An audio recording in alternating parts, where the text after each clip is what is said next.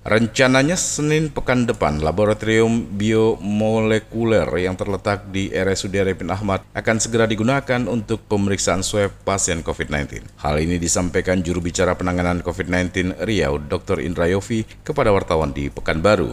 Lebih lanjut, ia mengatakan saat ini laboratorium biomolekuler ini atau selama ini sering disebut Labkes Riau masih dalam proses optimasi alat. Diharapkan ketika labor ini berjalan dengan baik, hasil masa tunggu lebih pendek dan cepat, sehingga alat pelindung diri atau APD bisa lebih hemat, sehingga semua menjadi efisien, efektif, dan penanganan pasien COVID-19 di Provinsi Riau menjadi lebih baik. Dan ada berita baik lagi yang ingin kami sampaikan. Insya Allah kalau semuanya berjalan baik, hari Senin laboratorium di RSUD Arifin Ahmad Insya Allah kita bisa uh, running ya, karena saat ini masih dalam proses optimasi optimasi alat, sehingga kalau lab ini bekerja berjalan dengan cepat, berjalan dengan baik, tentu masa tunggu hasil pemeriksaan PCR bisa lebih pendek sehingga pasien uh, bisa menunggu lebih uh, cepat, kemudian APD juga bisa lebih hemat gitu ya.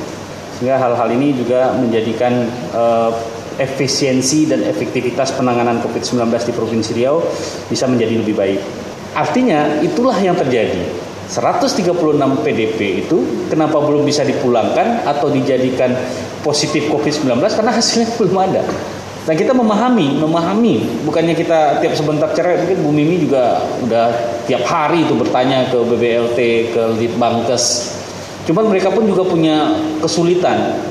Nah insya Allah kesulitan ini kalau seandainya seperti yang Dr. Nuzeli sampaikan lab itu hari Senin bisa running 60 sampel sehari itu akan sangat-sangat membantu. Artinya pasien yang PDP itu bisa cuma 2-3 hari di rumah sakit. Hasilnya negatif, pulang. Hasil positif, pindah.